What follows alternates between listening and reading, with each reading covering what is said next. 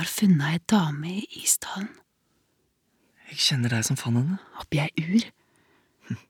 Hva gjorde hun der? Det er helt umulig å se hvem hun var. Alt er tatt fyr. Kroppen hennes Håret hennes svidd vekk. brent ut. Kan du tenke deg? Jeg setter for meg koffertene mine på jernbanestasjonen. Akustikken her inne gjør alt større, nærere. Lågmælte stemmer. Eit og anna rop. Noen hoster. To damer setter seg på en benk. Ei jente holder veska si på fanget. En eldre mann ser på klokka. Jeg ser på mennesker her inne, så rolig ventende. Sjøl kan jeg ikke vente. Jeg går i telefonen, ringer heim. Hei, det er meg. Det er meg, Elisabeth. Det er meg, Vera. Det er meg, Claudia. Nei, eh, jeg kommer ikke hjem. Ikke ennå.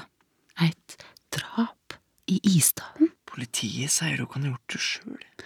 Men hun hadde et blåmerke på halsen. Det hadde hun. Ja, noen kan ha slått henne. Noen kan ha kastet henne på bålet. To menn står borte ved utgangen til Kaigaten. De ser på meg, følger meg med blikket, og kanskje ser de alt. De ser at håret mitt lukter såpe, at jeg vaska håret før jeg gikk, fjerna hårrester fra sluket, drog på meg de mørke strømpene, la et belte om livet. Framfor meg drypp det fra en sprekk i taket. Det er vått. Alt i denne byen er vått. Men ikke føttene mine. Jeg har nye gummistøvler med snøring fra Oskar Rørtvedts skotøyforretning. Hvorfor kjøpe nye støvler når jeg likevel knapt nok skulle få brukt dem, kan en spørre seg. For samtalen sin del, kanskje? Eller for at noen skulle holde foten min lett opp fra gulvet, plassere den varsomt nedi støvelen, sier Sjå der hvor godt den passer. Ingen veit. Politiet har funnet koffertene hennes. Ingen veit hvem hun var. Hun har fjerna alt. Skrapa bort etiketter. Merkelappene i klærne hennes er alle klippet av. Hun var spion. Hun hadde med seg parykker og briller uten styrke. Jeg tror hun var spion.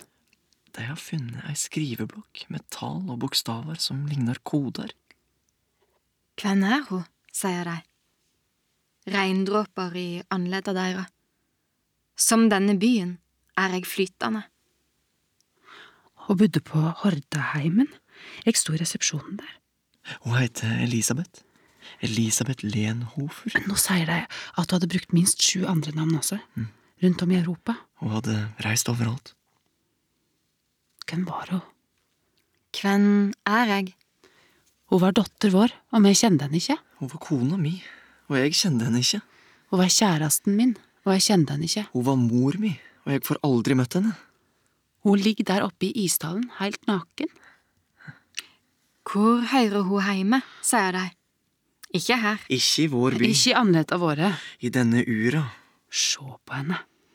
Kanskje ligger de og sover, medan kroppen min brenner, medan hjertet mitt smelter. Og seinere sier de, vi kjente henne aldri. De leiter etter bevis der oppe. I isdalen? Kriminalteknikere og politifolk står over henne med hansker på. Slik de ser meg nå, er slik de vil huske meg. For ingen veit hvem jeg er. Heller ikke de jeg elsker. For de har hatt augo att. For de har stått stille og venta. For de har ikke hørt etter når jeg har kviskra til dem. De fant sovepiller i gresset. Lautrea er uten blad. Og jeg står med hendene om ei flaske likør, med piller i munnen, i svelget, i magen. Rosa piller. Jeg legger meg ikke ned. Jeg blir stående, som i dusjen. Men i stedet for å renne ned i sluket, blir jeg varme og røyk. Så detter jeg bakover, medan Ellen kler av meg og visker ut alt. Jeg har fått laga teikninger av henne. Sjekka fingeravtrykk. Sendt melding til Interpol. Jeg går i telefonen, ringer hjem. Men ingen savner henne. Hallo? Hei, det er meg. Det er meg, Claudia. Det er meg, Claudia Tilt. Vera Jarle. Alexia Sarna Merkes. Claudia Nilsen. Geneviève Lancier. Elisabeth Lenofer. Finella Lorch. Vera Slåsenek. Ja, det er meg. Jeg kjem heim snart. Ikke lenge nå. Fint her. Jeg har det bra. Nei, jeg fryser ikke.